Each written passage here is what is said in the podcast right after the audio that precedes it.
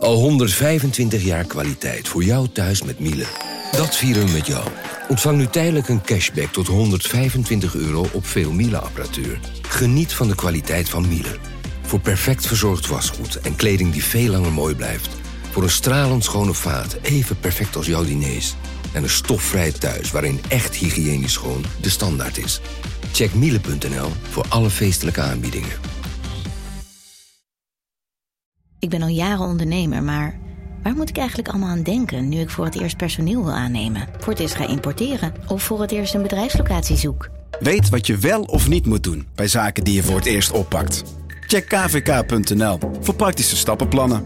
KVK, hou vast voor ondernemers.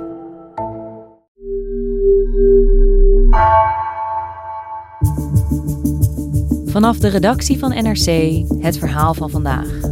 Mijn naam is Misha Melita.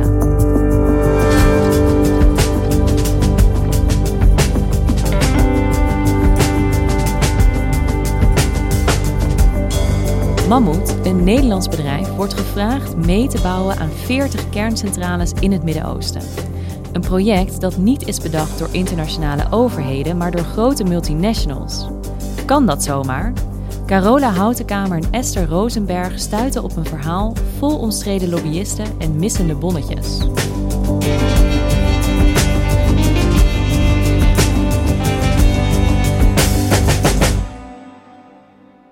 In het voorjaar van 2014 zit een man, Jan Willem Henkelman, op het hoofdkantoor van Mammoet, een uh, zwaar transportbedrijf en een dochterbedrijf van het Nederlands familieonderneming SHV. Dat is de grootste familiebedrijf van Nederland. En dan krijgt hij een telefoontje van een onbekende beller. De beller die, uh, die stelt zichzelf voor als Alex Kopsen, een, uh, een Amerikaan die met een keurig accent spreekt. En die is eigenaar van een consultancy of adviesbureau in Washington. En dat heet AQ Strategic Partners. En dat is gespecialiseerd in grote kernprojecten. En die vraagt hem of hij mee wil werken aan een project, een enorm project om zoiets van 40 kerncentrales in het Midden-Oosten te gaan bouwen.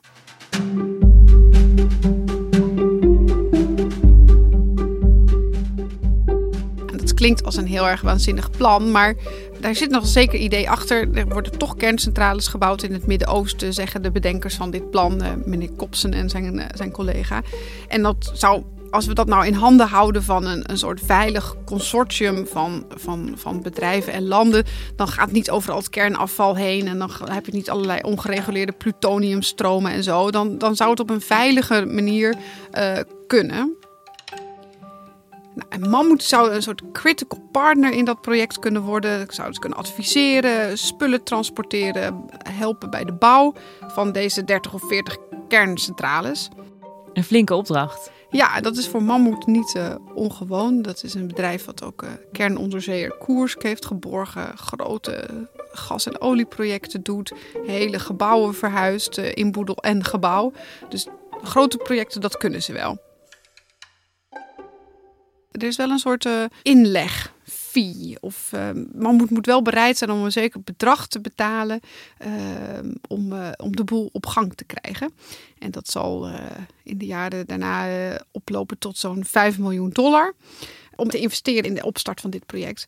Nou, dat is wel veel geld, maar je moet begrijpen dat in dat jaar SHV een, een, een, omzet heeft in zijn totaliteit van iets van 17 miljard. Dus het is ook niet zoveel. Hè? En soms moet je een gokje wagen, is het idee. En uh, als Mammoet meedoet en als het plan slaagt, dan is natuurlijk het idee dat Mammoet er echt schathemelrijk van gaat worden.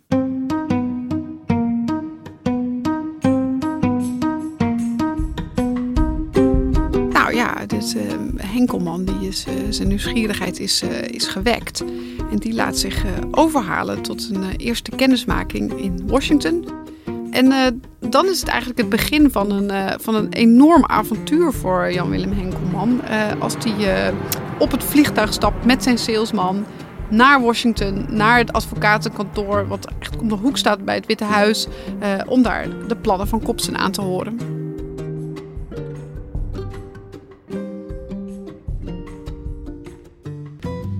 Kijk, je zou verwachten dat als het om zo'n groot geopolitiek plan gaat als het nucleariseren van het Midden-Oosten met kerncentrales en consortia, dat dat wordt bedacht door ja, de mensen die erover gaan. Regeringsleiders, misschien het internationaal atoomagentschap.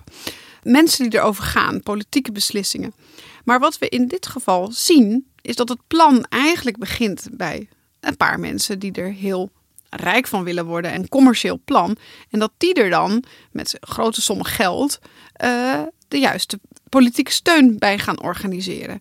En die volgorde, je weet dat het zo gaat, je denkt dat het zo gaat, maar het is toch af en toe ook echt heel interessant om te zien hoe dat dan precies gaat. Ja, deze grote multinationals zitten eigenlijk op de stoel van de politiek of van de overheden. In ieder geval proberen zij om commerciële redenen de politieke steun te vinden uh, voor dat plan. En uh, dat, nou ja, dat, dat gebeurt aan de lopende band. Maar als het gaat om zulke grote belangen, en dat zullen we ook wel zien, dan, uh, ja, dan gaat het soms toch wel schuren. Ja, en voor Mammoet is dit een hele interessante klus. Waarom ben jij erin gedoken? Ja, samen met mijn collega Esther Rosenberg schrijven we eigenlijk al ruim vier jaar over SHV. Dat is een onbekend bedrijf bij veel mensen, terwijl het toch het grootste familiebedrijf van Nederland is. Iets van 50.000 werknemers wereldwijd. En dat bedrijf heeft ons interesse. Die hebben een aantal dochterondernemingen en die zijn afgelopen jaren verstrikt geraakt in diverse corruptieschandalen. De Field doet strafrechtelijk onderzoek naar drie dochterbedrijven van SHV, het grootste familiebedrijf van ons land, zo schrijft NRC. De bedrijven Mammoet, Nutreco en Econostal worden onder meer in verband gebracht met oplichting en omkoping. Als je dus in, die, in dit bedrijf aan het struinen bent en de documenten leest, dan stuit je op dit verhaal. En het gaat niet over corruptie, maar er is wel iets anders aan de hand. Ja, kijk, we weten niet of het in dit geval om corruptie gaat. Dat is in die zin niet eh, vastgesteld. Maar wat we zien is dat het. Uh, dit, dit, verhaal gaat eigenlijk over uh, lobby. En misschien wel dubieuze lobby. Echt grote sommen geld voor een, een, een plan met grote geopolitieke implicaties. Hey, en we begonnen dit verhaal met Jan-Willem Henkelman. hij gaat deze samenwerking aan met Kopsen van AQ. Hoe gaat dat verder? Wat gaan ze allemaal doen om te proberen dit voor elkaar te krijgen? Nou, vanaf het moment dat Mammoet instapt en ze maken een gezamenlijk bedrijf, AQ Mammoet, een joint venture, heeft Henkman het gevoel dat hij in een soort film is beland allemaal reisjes worden ondernomen met, met, in, in verschillende gezelschappen. Hij gaat uh, natuurlijk een paar keer naar Washington om erover te praten. Hij vliegt naar het Midden-Oosten, naar Saoedi-Arabië. Er wordt een raketlanceringsplatform bezocht. Uh, want dat past ook nog ergens in het plan. En hij gaat bij diverse mensen op bezoek in, uh, in het Midden-Oosten om contacten te leggen. En hij maakt ook kennis met een, uh, een Saoedische prins. Dat zijn allemaal hele bijzondere contacten. Dus die, is, die heeft de tijd van zijn leven. Die vliegt op en neer om, om dit plan aan de man te brengen en om contacten aan te knopen. Ja, want hun plan is 40 kerncentrales in het Midden-Oosten daar moeten natuurlijk heel veel mensen aan meedoen voordat je dat voor elkaar krijgt. Ja, en dat zijn niet allemaal partners die heel lekker met elkaar gaan uh, van nature. Want um, het idee is dat het, het is een Russisch-Amerikaans plan. Dus het idee is, Amerikanen zitten erin. Dat moet met Russische kernreactors moet dat worden gebouwd. Dat komt dan in Saoedi-Arabië. Nou, daar zou Israël wel niet zo blij mee zijn. Dus die moeten ook nog op een, een of andere manier tevreden worden gesteld. En dan zitten er Nederlanders in. En sowieso het hele idee van Russisch-Amerikaanse samenwerking. Daar zit misschien nog wel wat sanctiewetgeving in de weg. En kunnen we de Arabische wereld wel op deze manier nucleariseren? Dus daar zijn wel wat issues die uit de weg moeten worden geruimd. Er moeten niet alleen zakelijke contacten worden aangeknoopt, er moet ook keihard gelobbyd worden op hoog niveau om dit uh, mogelijk te maken. Daar trekt Kopsen allerlei mensen voor aan, van hoog statuur. En daar wordt ook het geld wat Mammoet in de pot gooit, die 5 miljoen, uh, voor een aanzienlijk deel uh, aan besteed. En dan komt de accountant van SHV, die moet de boeken sluiten over 2015. En die begint zich af te vragen: wat is er nou eigenlijk met die 5 miljoen gebeurd? Waar hmm. zijn de bonnetjes? En waar zijn de bonnetjes? Waar zijn de bonnetjes? Dat, is een, dat, blijkt een, eh, dat blijkt een grote vraag te zijn. Uh, de bonnetjes zijn er niet. En er, we hebben uh, toegang tot uh, diverse interne documenten en notulen. En dan zie je dat er over vergaderd wordt. En dan wordt uh, aan meneer Henkelman de vraag voorgelegd. Meneer Henkelman, kunt u ons vertellen wat er met die 5 miljoen is gebeurd? Nou, dat blijkt ontzettend moeilijk te zijn. Er worden overzichten opgevraagd, maar die komen maar niet. er moeten antwoorden worden gegeven op vragen, maar die antwoorden die kloppen niet met elkaar. En het telt allemaal niet op tot die 5 miljoen. Soms is het meer, soms is het minder. Uh, ja, dus dat is een groot probleem als je de boek wil sluiten. Ja. En het is heel gevoelig dit. Het zijn gevoelige betalingen, want het gaat om lobbywerk. En dus dan wil je het risico op corruptie uitsluiten. Dat zijn natuurlijk een corruptiegevoelige plan is het. Dan, uh, ja, dan moet je in ieder geval wel weten waar het geld aan is besteed. Ja, en er zijn dus geen bonnetjes voor de accountant. Ben jij erachter gekomen waar dat geld naartoe is gekomen? ik denk dat ik niet meer weet dan de accountant. Maar op een gegeven moment uh, wordt aan Kopsen gevraagd van... nou, vertel nou maar, waar heb je het geld aan besteed? En Esther en ik hebben die documenten ook. Ik werp even een blik op de, op de estimate of costs... die dan door Kopsen is opgestuurd ja, je moet, je moet echt veel eten om dat op te maken. Nou, je hebt heel veel legal costs. Oké, nou ja. Maar ze besteden ook 1,2 miljoen per jaar aan kantoorkosten. Er zit volgens mij echt twee man op dat kantoor. En dan 50.000 aan telefoontjes en post. Ja, wat is dit nou? Er staat business trips. 60.000 voor multiple occasions. Zo kan ik ook 60.000 euro opmaken. Als ik hier mijn bonnetjes zo indien uh, bij de administratie, krijg ik mijn geld uh, niet terug. Nee, daar zou je niet mee wegkomen. Daar kom ik niet mee weg. maar goed, er staat ook op uh, hoeveel ze nou hebben betaald aan hun lobbyisten om dit plan te doen. En daar staat iets heel interessants op. Namelijk? Nou, meneer Kopsen, die heeft een heel batterij aan ex-generaals en admiraals aangetrokken. Uh, mannen van, met, die belangrijke posities hebben gehad in het, uh, bij Amerikaanse defensie. Die dus heel veel banden hebben over de hele wereld en een soort gezag. En één daarvan is oud-generaal Flynn. En die kennen we misschien nog wel.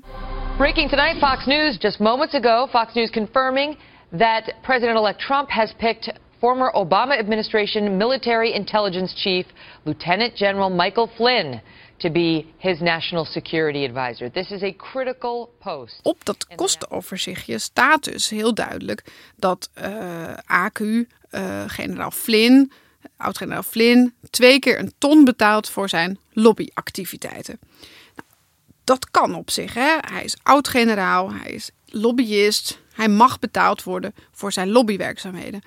Maar goed, het is wel generaal Flynn. En die begint natuurlijk gaandeweg wel in de problemen te raken. Ja, en dit speelde allemaal voordat hij Trumps veiligheidsadviseur werd. Zeker. Dus hij zit in die periode waarin hij gewoon lobbyist is.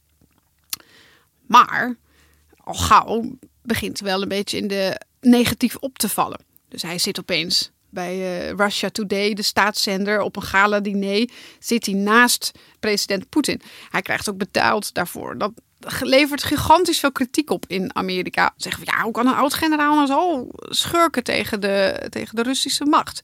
Dus gaandeweg, lopend, hè, parallel met zijn lobbyactiviteiten voor dit plan, komt hij steeds in het nieuws. Met dingen waarvan ze in Amerika denken, hmm. Ja, dus oud-generaal Michael Flynn is lobbyist. Daar is op zich uh, niets mis mee. Maar op een gegeven moment gaat hij voor Trump werken. Wordt hij zijn veiligheidsadviseur. Dat klopt. En hij, al eerder verbindt hij zich aan Trump. Dus in het begin van 2016 verbindt hij zich officieel aan de Trump-campagne. En dan wordt het allemaal wat spannender. Want nu heb je niet zomaar een lobbyist. Maar nu heb je een man die echt richting de allerhoogste macht beweegt. Want werkt generaal Flynn nog voor Cobson op het moment dat hij zich aansluit bij de campagne van Donald Trump? Ja, dat, is, dat, dat wordt een heel interessante vraag. Want er is een heel gek moment.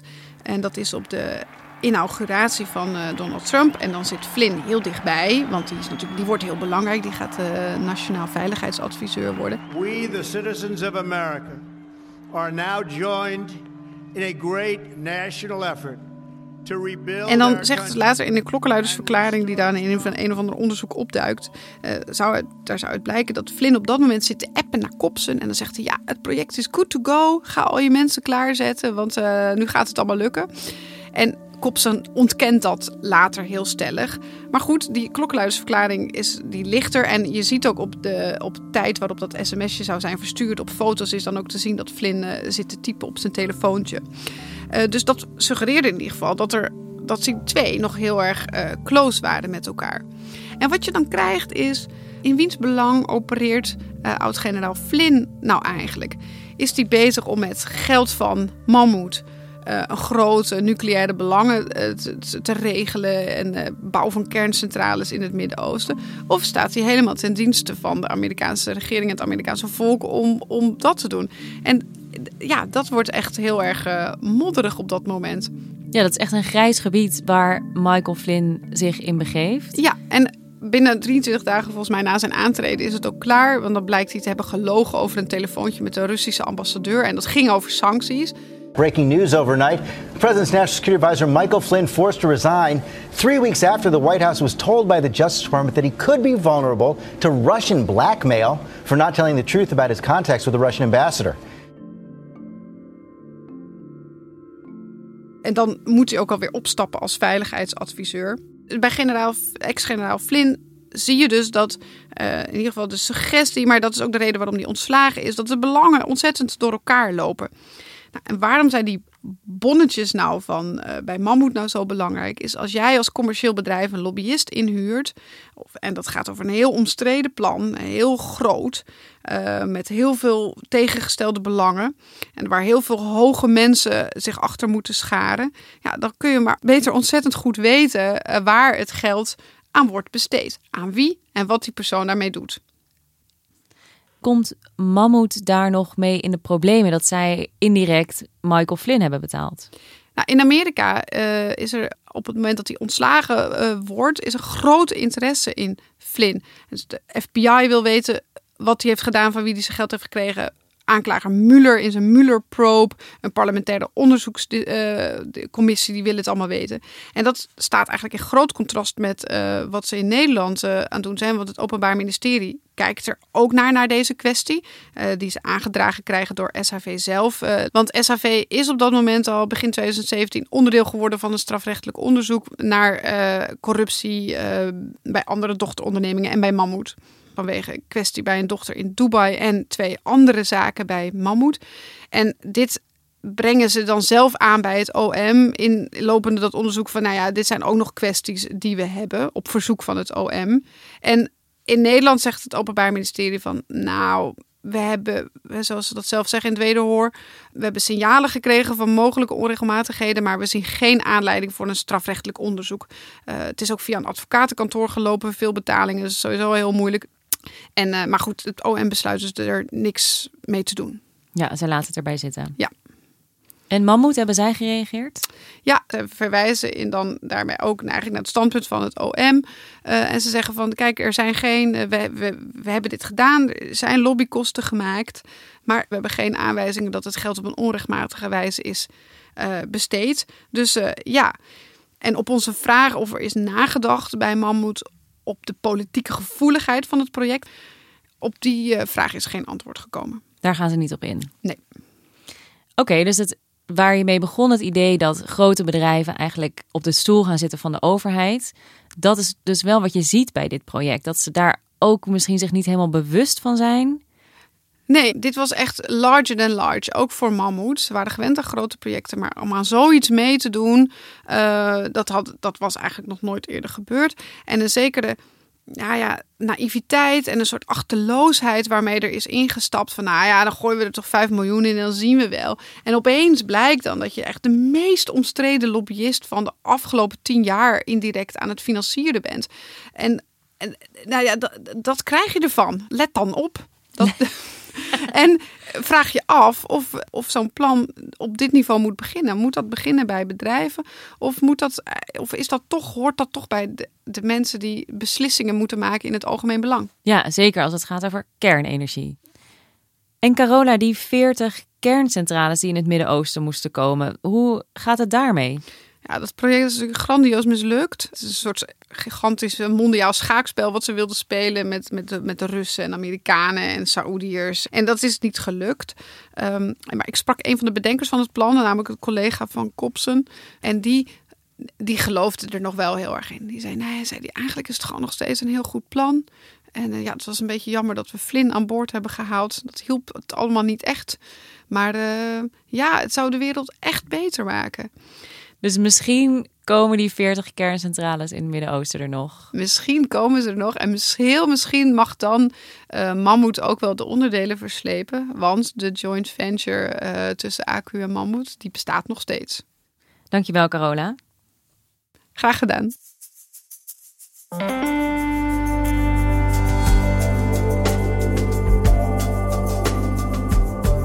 Je luisterde naar vandaag, een podcast van NRC. Eén verhaal, elke dag. Deze aflevering werd gemaakt door Allegria Ioannidis, Wijken van Kolwijk en Jennifer Patterson. Dit was vandaag, morgen weer.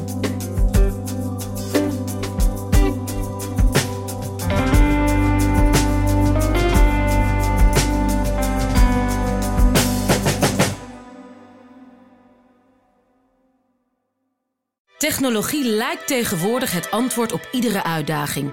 Bij PwC zien we dit anders. Als we de potentie van technologie willen benutten, kunnen we niet zonder een menselijk perspectief.